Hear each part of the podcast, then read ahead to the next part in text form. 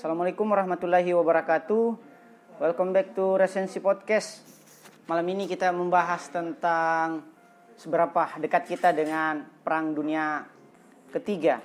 Nah, uh, seperti yang dijelaskan tadi bahwa podcast malam ini atas inisiasi dari Bung Safri yang tadi resenter pertama katakan bahwa bagus kita kayaknya kalau bahas tentang tentang geopolitik yaitu invasi Amerika terhadap Iran dan serangan balasan Iran terhadap Amerika.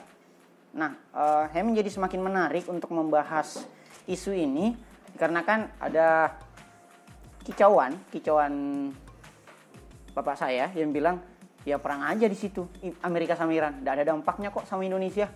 Saya bilang oke, okay, eh, kita harus menelusuri lebih jauh nih. Saya menolak untuk berargumen karena uh, saya tidak punya data terhadap itu. Apakah betul-betul ada dampaknya atau gimana? Dan beberapa hari belakangan ini ramai sekali di grup, termasuk uh, senior saya, Kau Chen, uh, memberondong saya dengan chat banyak kali sama telepon beberapa kali, tapi saya tidak angkat karena saya lagi-lagi menghindari argumentasi yang mananya saya belum melakukan penelusuran.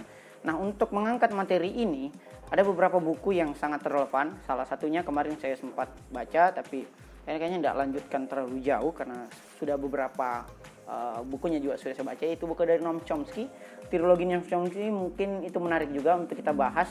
Mulai dari How the World Works Who uh, Who the World Works dan yang terakhir itu Pirates of bukan ya.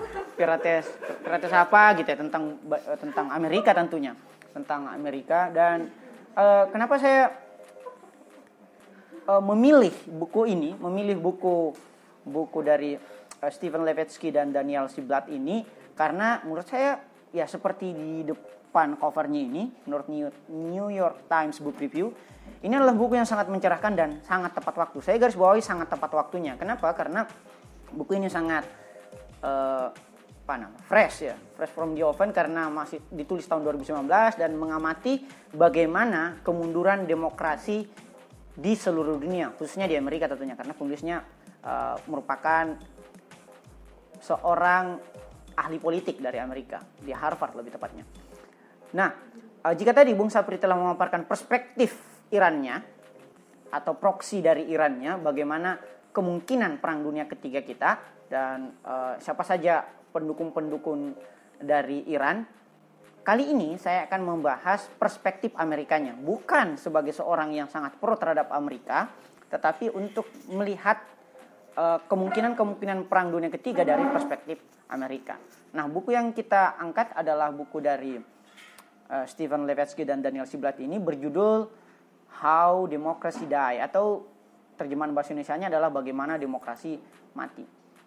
Nah, sebelum saya lebih jauh ke dalam buku ini, nah, jika teman-teman ingin membaca buku selain bisa didapatkan di resensi bookstore, tentunya kalian juga bisa dapatkan di, di Pusnas, bisa di Google Play, bisa di kalau sarannya Sidra kemarin adalah Gramedia online itu bagus juga. Kalau saran dari Albar ada dua saran dari Albar yang menurut saya sangat sangat apa ya useful gitu, sangat sangat berguna gitu, sangat berguna. Baru ini ada sarannya Albar berguna yaitu di Islamic ID Source itu untuk buku-buku Islam dan satunya lagi di grup Telegram kayaknya nama grupnya itu apa gitu. forum literasi kalau tidak salah tidak perlu gabung di grup itu tinggal search. Kemudian search lagi di grupnya silakan dapatkan buku yang kalian mau baca. Baik itu di PDF maupun uh, maupun ekstensi ekstensi file lainnya. Nah buku ini selain ada di situ cuma karena itu adalah online agak sakit tentunya mata juga ada di buku di resensi bookstore. Jadi ini saya baca adalah buku fisiknya. Nah buku ini seperti yang jelaskan tadi, terbit tahun 2019 oleh Gramedia Pustaka Utama. You know lah bagaimana kalau Gramedia terbitkan buku itu tidak salah-salah. Tentunya harus bestseller dulu di internasional. Nah, buku ini bestseller internasional. Nah, subjudul yang diambil oleh Step Lipetsky dan Daniel Siblet adalah apa yang diungkapkan sejarah tentang masa depan kita. Terdiri dari 19 9 bab dan tersebar ke dalam 272 halaman. Nah, apa yang sejarah ungkapkan terhadap masa depan kita? kalau kita kembali kepada tadi Sapri mengutip Sapiensnya Homo Deus, biasanya kan saya untuk mengutip bukan Sapiensnya Yuval, izinkan saya mengutip Homo Deus kalau tidak salah ya. Di Homo Deus Yuval bilang apa sih gunanya kita belajar sejarah? Guna kita belajar sejarah karena sejarah itu memberikan kita pelajaran dari masa lalu untuk kita terapkan di masa kini demi kebaikan di masa depan.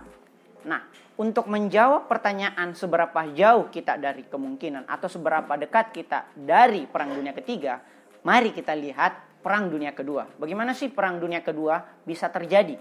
Termasuk juga Perang Dunia Ke-1. Nah, mengapa Perang Dunia itu bisa terjadi? Sehingga kita bisa kemudian mengidentifikasi faktor-faktor yang menyebabkan terjadinya Perang Dunia Ketiga kelak. Apakah hanya karena serangan Amerika yang cuma sekali aja gitu langsung tiba-tiba ada perang dunia ketiga atau gimana? Nah, kalau kita melihat sejarah kembali ke belakang, baik itu di perang dunia pertama, perang dunia kedua, indikator utama yang menyebabkan terjadinya perang dunia itu adalah aktor politiknya.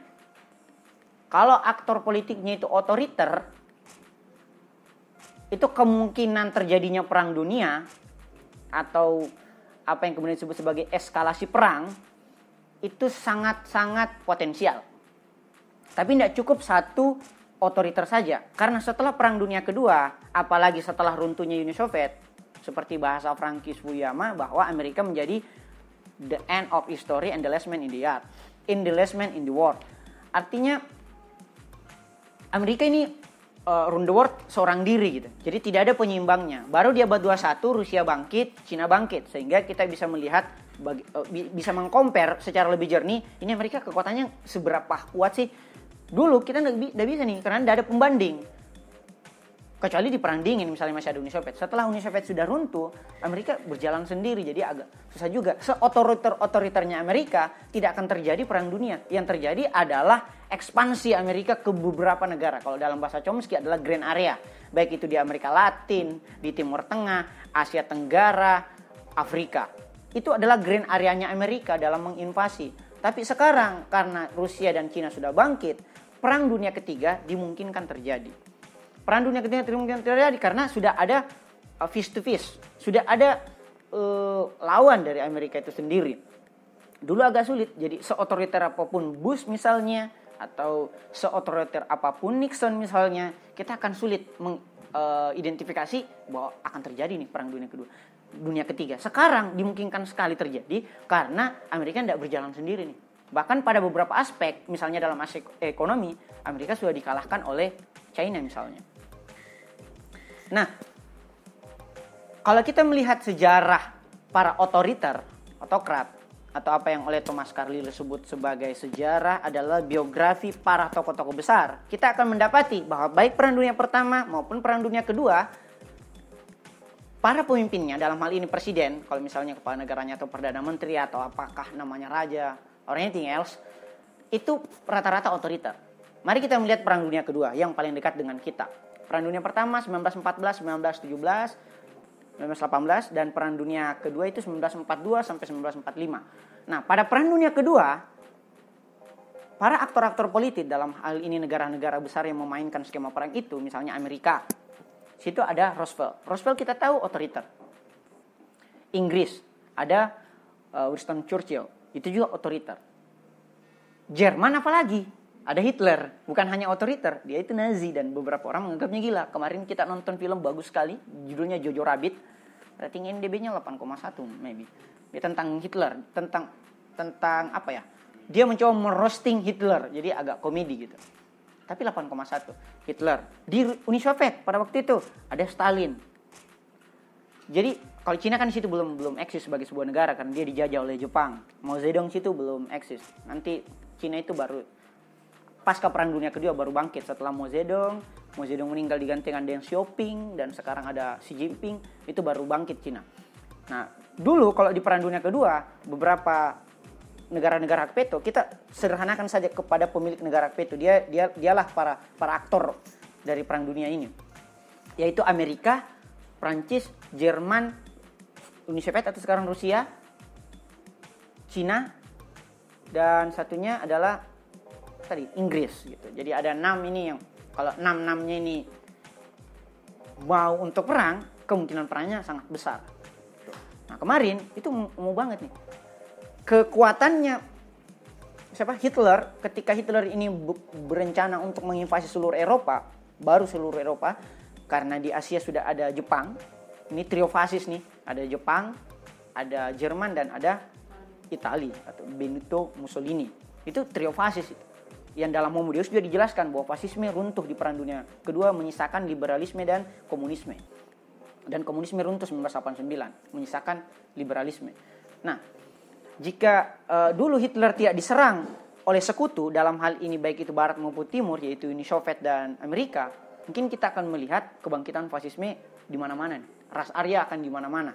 Bahkan dulu Yahudi itu dia harus apa sembunyi di palpon-palpon di lorong bawah tanah. Baik itu di film Jojo Rabbit film The Pianist filmnya film-film perangnya Steven Spielberg itu banyak mengindikasikan bahwa Yahudi itu kebanyakan sembunyi karena antisemitismenya Hitler pada waktu itu.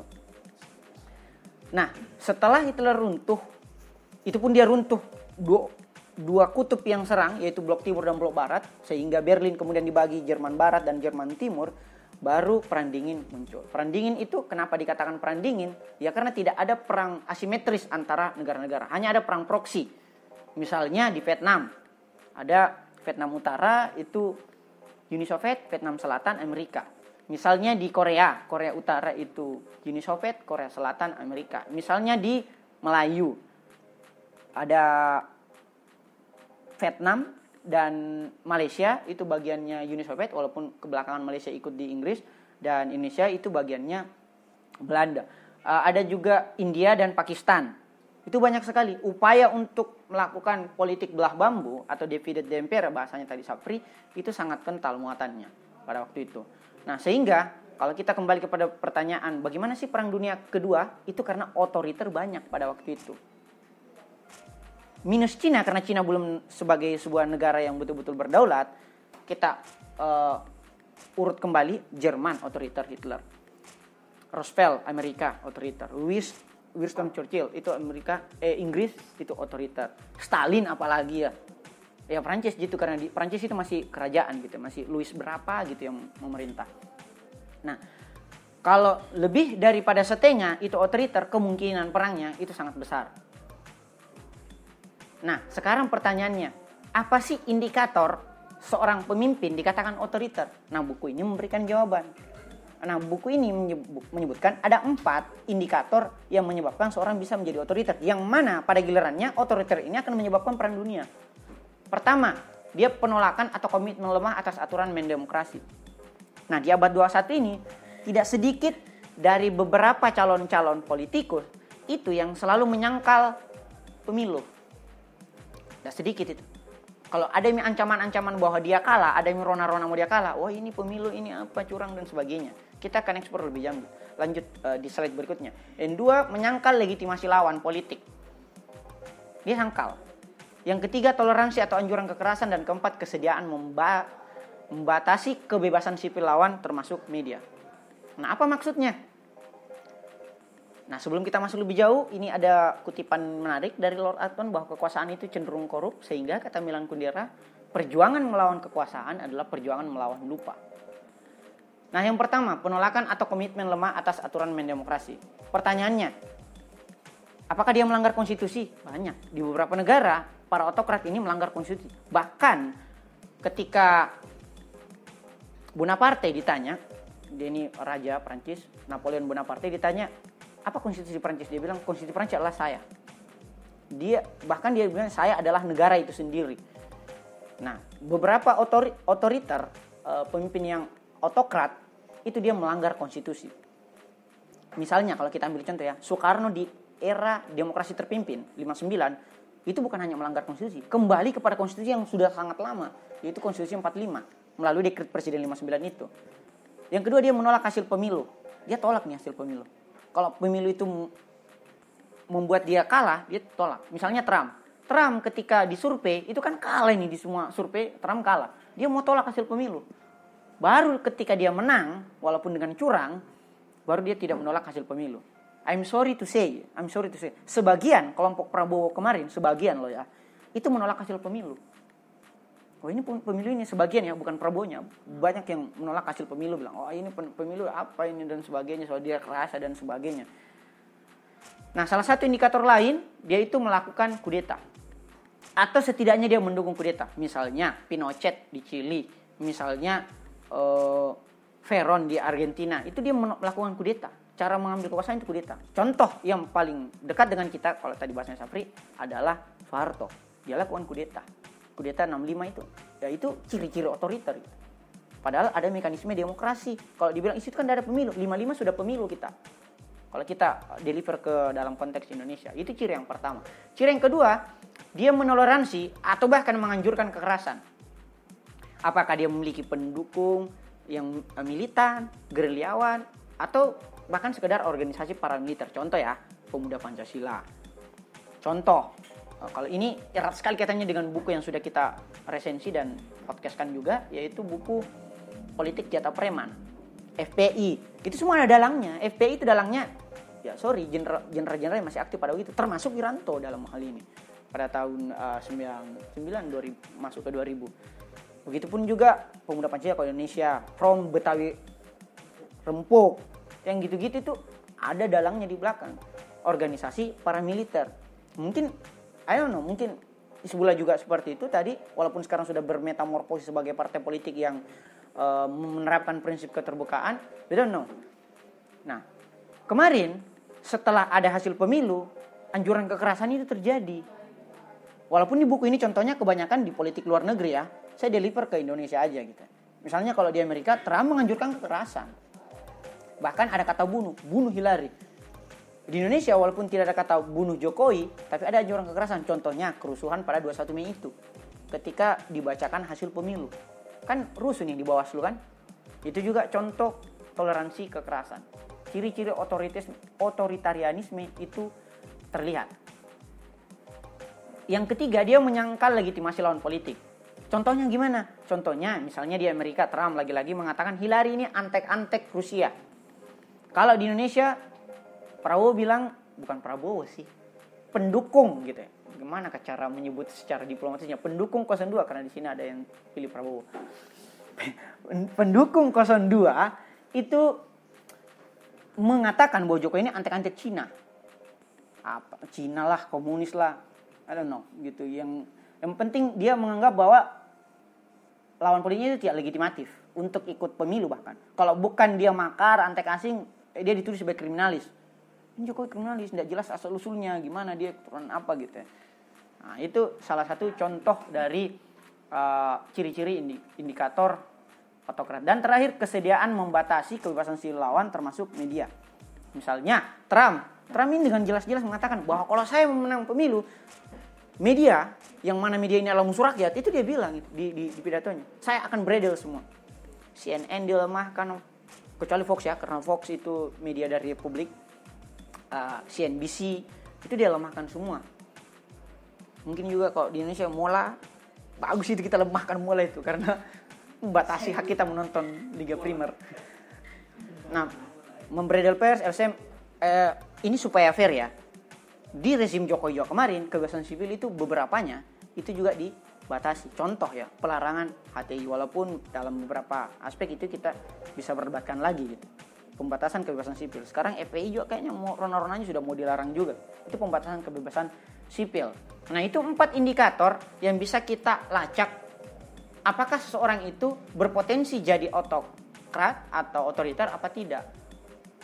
Nah, kalau empat-empatnya memenuhi, Trump di, di empat indikator ini memenuhi semua dia itu mengatakan lawannya tidak legitimatif, menganjurkan kekerasan, melanggar konstitusi, dan bahkan dia bersedia untuk membatasi kebebasan sipil dan pers. Empat-empatnya nih. Makanya sekarang ada gerakan shutdown di Amerika. Sudah itu pemaksulan. Nah pertanyaan kemudian, kemarin kan pemaksulan. Iya pemaksulan itu hanya mengusulkan untuk dimaksulkan. Tapi belum tentu disetujui oleh Kongres karena diperlukan sama seperti MPR karena kita kan sangat Amerika apa ya Saudi Amerika kita ini dua per tiga kongres baru. Itu siapa itu? Itu tikus dari Trump ya? Dua per tiga kongres baru disetujui uh, pemaksulannya itu. Sama kayak Gus Dur kemarin dua per tiga MPR baru disetujui. Parahnya kemarin disetujui ya. Walaupun sekarang baru baru ada nih perdebatan bahwa ternyata upaya menjerat Gus Dur itu di buku buku yang viral baru-baru ini adalah upaya politik. Jauh-jauh hari sudah saya bilang bahwa itu memang upaya politik bukan upaya hukum. Karena desertasinya apa Hamdam Sulfa mantan ketua MK itu menyebutkan itu disertasinya menganggap bahwa Gus Dur itu dimaksudkan secara politik bukan secara hukum. Nah, kalau kita kembali misalnya ke Trump tadi, oh, saya kira dia sudah dimaksudkan. Iya, itu baru diusulkan untuk dimaksudkan, belum dilegitimasi oleh Kongres 2 per 3. Padahal sekarang mayoritas di Kongres itu Republik. Seperti saya bilang juga tadi bahwa harus terjadi bipartisan atau atau apa yang kemudian disebut sebagai seluruh lawan itu setuju dimaksulkan dan setengah dari pihak kita juga setuju baru terjadi pemaksulan. Misalnya tadi di Nixon itu baru terjadi pemaksulan. Nah, terus kenapa kemudian Trump sudah rencana dimaksulkan tetap aja melakukan penyerangan luar negeri bahkan tidak disetujui oleh Kongres itu serangannya. Pentagon kan baru mengafirmasi bahwa serangan itu perintah asas Trump walaupun tidak disetujui sama Kongres. Sehingga tadi tadi subuh saya lihat di live YouTube live YouTube itu uh, acara ya kayak sidang paripurnanya juga Kongres di sana itu sementara membuat aturan undang-undang yang membatasi kewenangannya Trump. Karena Trump dianggapnya bikin terus terus nih. Apa-apa perang dan sebagainya. Nah, kemarin juga saya lihat beberapa media misalnya CNN memanggil siapa Bambang Bambang Harimurti kalau tidak salah. Dia seorang pakar juga. Dia bilang bahwa upaya Trump ini melakukan serangan kepada Jenderal Kasim Soleimani adalah upaya untuk meraih popularitas pada Pilpres Amerika tahun ini. Kalau kita lacak juga, Bush juga pada 2001 itu adalah upaya-upaya yang sama yang dilakukan oleh Bush tadi. Jadi Bush itu melakukan serangan akal-akalan di WTC itu, walaupun sekarang kita tahu itu adalah betul-betul propaganda, itu karena upaya untuk dia mau naik kembali lagi ke pilpres putaran kedua. Nah, sederhana strateginya, strateginya adalah kita harus membuat kondisi seakan-akan kita ini berada dalam ancam, ancaman asing. Kalau ancaman asing itu betul-betul uh, diterima oleh warga Amerika, kepercayaan Amerika bahwa kita sementara diserang itu akan menguat sehingga dukungan terhadap eksekutif itu juga menguat. Sekarang setelah penyerangan 90% masyarakat Amerika itu setuju eh, Trump itu naik kembali setelah penyerangan. Karena dia merasa bahwa bahaya nih kita diserang oleh Iran. Apalagi musuh yang yang nyata ini. Beda sama komunis dulu ya. Karena sudah mati nih komunis. Iran dia merasa oh bahaya ini Iran gitu. Apalagi Iran punya kekuatan. Dulu Sad eh, Bush itu mengatakan Saddam Hussein. Saddam Hussein ini yang bahaya gitu di di Irak itu makanya dia harus melakukan. Akhirnya Bush terpilih kembali padahal elektabilitas Bush sebelum serangan itu rendah sekali termasuk Trump bahkan mau dimaksulkan. Pertanyaan kemudian apakah se sadis itu gitu cara politik Amerika dan mengorbankan nyawa orang lain demi uh, mempertahankan jabatan? Ya memang sesadis itu Amerika. Kapan sih Amerika tidak sadis? Bahkan Imam Ayatullah Khomeini bilang bahwa Amerika itu the great satan atau setan besar. Nah pertanyaan kemudian, kalau dia sudah terpilih nih, kayak Trump. Trump ini sudah terpilih, gimana kita menyelamatkan demokrasi? Sebelum kita mengetahui bagaimana menyelamatkan demokrasi, kita tahu dulu nih, apa yang harus dilakukan ketika pemimpin otoriter terlanjur terpilih. Walaupun sudah ada tadi empat batasan, dan akhirnya dia tetap terpilih. Nah setelah berkuasa, kecenderungan otoriter itu adalah tiga hal. Jadi pun dia tidak otoriter pas dipilih, dia bisa berubah menjadi otoriter ketika dia sudah dipilih. Termasuk Jokowi misalnya. Yang oleh Sapri selalu sebut bahwa rezim paling baru. Kan rezim paling baru gitu ya. Orde paling baru apakah itu? Orde paling baru. Jadi even kita terpilih secara demokratis belum tentu kita bisa menjalankan pemerintahan secara demokratis pula. Begitupun sebaliknya, even kita mengambil pemerintahan secara kudeta, belum tentu kita otoriter dalam menjalankan pemerintahan. Bisa saja kita menjadi demokrasi. Contoh, misalnya di Turki. Di Turki itu katanya relatif demokratis. Erdogan, apalagi pasca upaya melakukan kudeta oleh oleh oleh partai sekuler pada waktu itu. Sehingga dia di? Ya, Petulagula. Sehingga dia deportasi ke Amerika ya. Nah setelah berkuasa dia bisa melakukan tiga hal. Pertama dia menangkap wasit. Wasit itu siapa saja? Pengadilan, media, intelijen, hingga LSM itu menangkapi wasit itu adalah salah satu cara yang dilakukan oleh penguasa. Contoh di Orde Baru itu jelas sekali. Pengadilan diintervensi, media dibredel, intelijen dibatasi, LSM itu ya bahkan sampai sekarang tidak tidak ada kabarnya. Contoh Wiji Tukul ya yang kedua menyingkirkan pemain kunci. Menyingkirkan pemain kunci itu adalah membuyanguskan lawan politik. Misalnya di Prode Soekarno dia penjarakan apa Gunawan Muhammad gitu. Banyak di Natsir dan sebagainya. Begitupun Soeharto apalagi. Soeharto biar seorang novelis itu dipenjarakan misalnya Pramudia Antatur yang katanya dia uh, melawan rezim. Nah, sekarang juga kita melihat apakah ya katanya sih Ahmad Dhani dia ini tahanan politik. Katanya dia tahan politik. Apakah dia tahan politik atau tahan kriminal? Ya kita lihat saja pada pasal-pasal yang dituduhkan kepadanya. Dan yang terakhir mengganti aturan.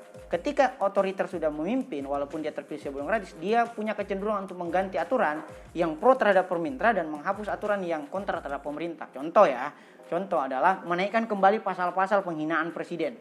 Itu sangat rentan gitu. Jadi kita tidak bisa kritik lagi nih sedikit-sedikit kita dianggap apa ya head speed atau bahkan melakukan penghinaan terhadap presiden menjadi sangat berbahaya. Nah menyelamatkan demokrasi cuma dua cara menurut buku ini yaitu membangun pagar demokrasi itu toleransi. Kita harus sepakat untuk tidak sepakat. Jangan sampai membumi hanguskan lawan bahwa ketika lawan sementara berkuasa biarkan dia berkuasa dengan perimbangan melalui kritik kita. Jadi sepakat untuk biasa jangan menganggap lawan ini sebagai musuh. Kalau dalam diskusi kita beberapa bulan yang lalu, misalnya dalam kabinet yang gemuk itu, kita menganggap bahwa politik apa demokrasi itu adalah eh, politik politikus itu adalah lawan kita dalam politik dan kawan kita dalam berdemokrasi gitu. Kurang lebih antara apa Prabowo Jokowi itu adalah lawan politik, kawan demokrasi. Begitupun juga dengan main bulu tangkis. Main bulu tangkis itu ya lawan kita dalam bertanding tapi kawan kita dalam berolahraga. Apalagi Pri, misalnya yang sejenjang itu. Uh, misalnya juga lawan debat. Lawan debat itu kawan berpikir. Begitu juga lawan jenis. Lawan jenis tak tapi kawan hidup. Kawan hidup dia gitu itu toleransi. Dan yang terakhir sikap menahan diri yaitu sabar secara kelembagaan. Jangan sampai seperti lagi-lagi membuangiskan lawan. Dalam hal ini mereka membumi hanguskan uh, lawan-lawan politiknya di luar negeri. Nah pertanyaannya kemudian bagaimana demokrasi bisa mati? Nah pertanyaan ini dijawab di kalimat terakhir bukunya Stephen Levitsky dan Daniel Siblat ini bahwa jika di abad lalu demokrasi mati karena ancaman dari luar misalnya komunisme lah isu-isu apalagi isu-isu tentang uh, perang dagang Cina lah. Sekarang demokrasi bisa mati itu karena ancaman dari dalam atau kita biarkannya pemimpin-pemimpin otoriter maju dalam pentas politik dan mendapatkan dukungan mayoritas sehingga dia menjalankan pemimpinan secara otoriter. Dan pada gilirannya ketika beberapa pemimpin itu otoriter dan kita tahu bahwa gelombang demokrasi ketiga sudah habis, kita masuk kepada gelombang otoriter ketiga di mana banyak pemimpin dunia menjadi sangat otokrat dibandingkan demokrat, kita akan menuju kepada perang dunia ketiga. Menjawab pertanyaan tema bahwa seberapa dekat kita dengan perang dunia ketiga, kita sangat dekat perang dunia ketiga. Kalau Trump maju lagi di pemilihan ini dan terpilih, dan kalau Rusia dan Cina setuju untuk melakukan serangan balasan dan membantu Iran melawan Amerika. Karena kita tahu bahwa Amerika itu koalisinya ya ya negara-negara NATO Inggris Uni Eropa Jerman Prancis ada empat di situ yang pemegang hak veto dan duanya itu adalah Cina dan Rusia. Yang kita tahu itu di kubu Iran Korea Utara Vietnam Kuba Venezuela dan sebagainya.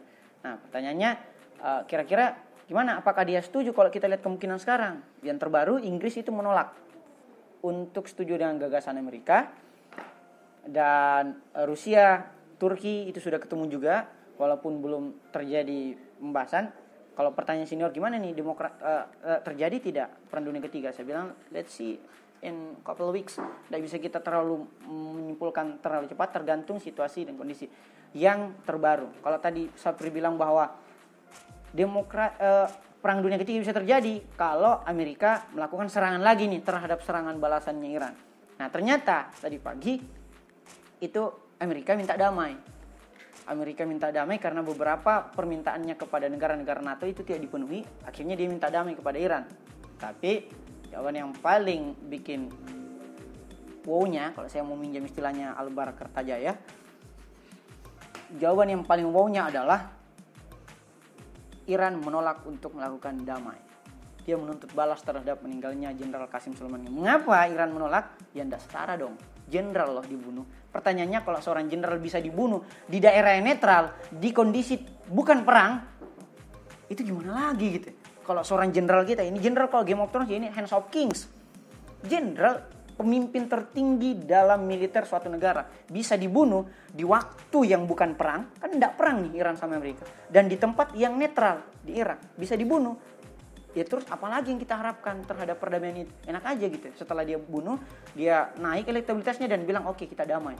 Bahkan tadi ada video yang saya uh, nonton di WA ketika Trump melakukan pidato mau perdamaian itu ada yang teriak Allah Akbar ini Trump lari. Lihat juga ya? Iya ada tuh videonya Nah, saya kira pertanyaan mengenai bagaimana ya Wika dia, bagaimana perang dunia akan bisa terjadi potensinya itu tergantung dari situasi geopolitik dalam beberapa minggu ke depan. Kita akan tunggu dan kita tentunya berdoa semoga itu eh, tidak memiliki dampak yang sangat serius bagi Indonesia. Tapi kalau ditanya mengenai, dah dampaknya sama Indonesia, kayak kata bapak gue tadi di awal saya bilang akan sangat banyak dampaknya. Contoh ya, harga minyak naik. Sekarang sudah naik 4 persen ini pasti akan mengubah APBN kita. Nanti di pertengahan tahun akan ada APBNP, anggaran perubahan. Perubahan akan menaikkan lagi subsidi terhadap uh, minyak itu. Dalam hal ini ya apakah premium pertalite atau apa. Bahkan sekarang premium sudah susah nih. Sekarang aja udah susah gitu ya, apalagi nanti di kalau selat Hormuz ini kan di Iran itu selat yang menguasai 70% pangsa minyak dunia.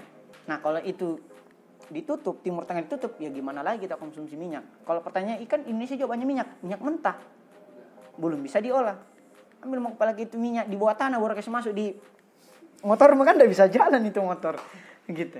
Dan bukan cuma motor yang bermasalah, pabrik dan sebagainya dan bukan cuma minyak gitu. Investasi bisa terancam investasi. Bahkan uh, kunjungan luar negeri itu bisa juga menurun. Banyak sekali dampak ekonomi politik dan keamanan bisa terjadi walaupun perangnya bukan mengaitkan Indonesia yaitu cuma Iran dan Amerika. Jadi sekali lagi banyak-banyak berdoa karena saya rasa setiap dari kita belum siap untuk perang dunia ketiga yang mana perang dunia ketiga itu adalah perang akhir zaman. Terima kasih. Wassalamualaikum warahmatullahi wabarakatuh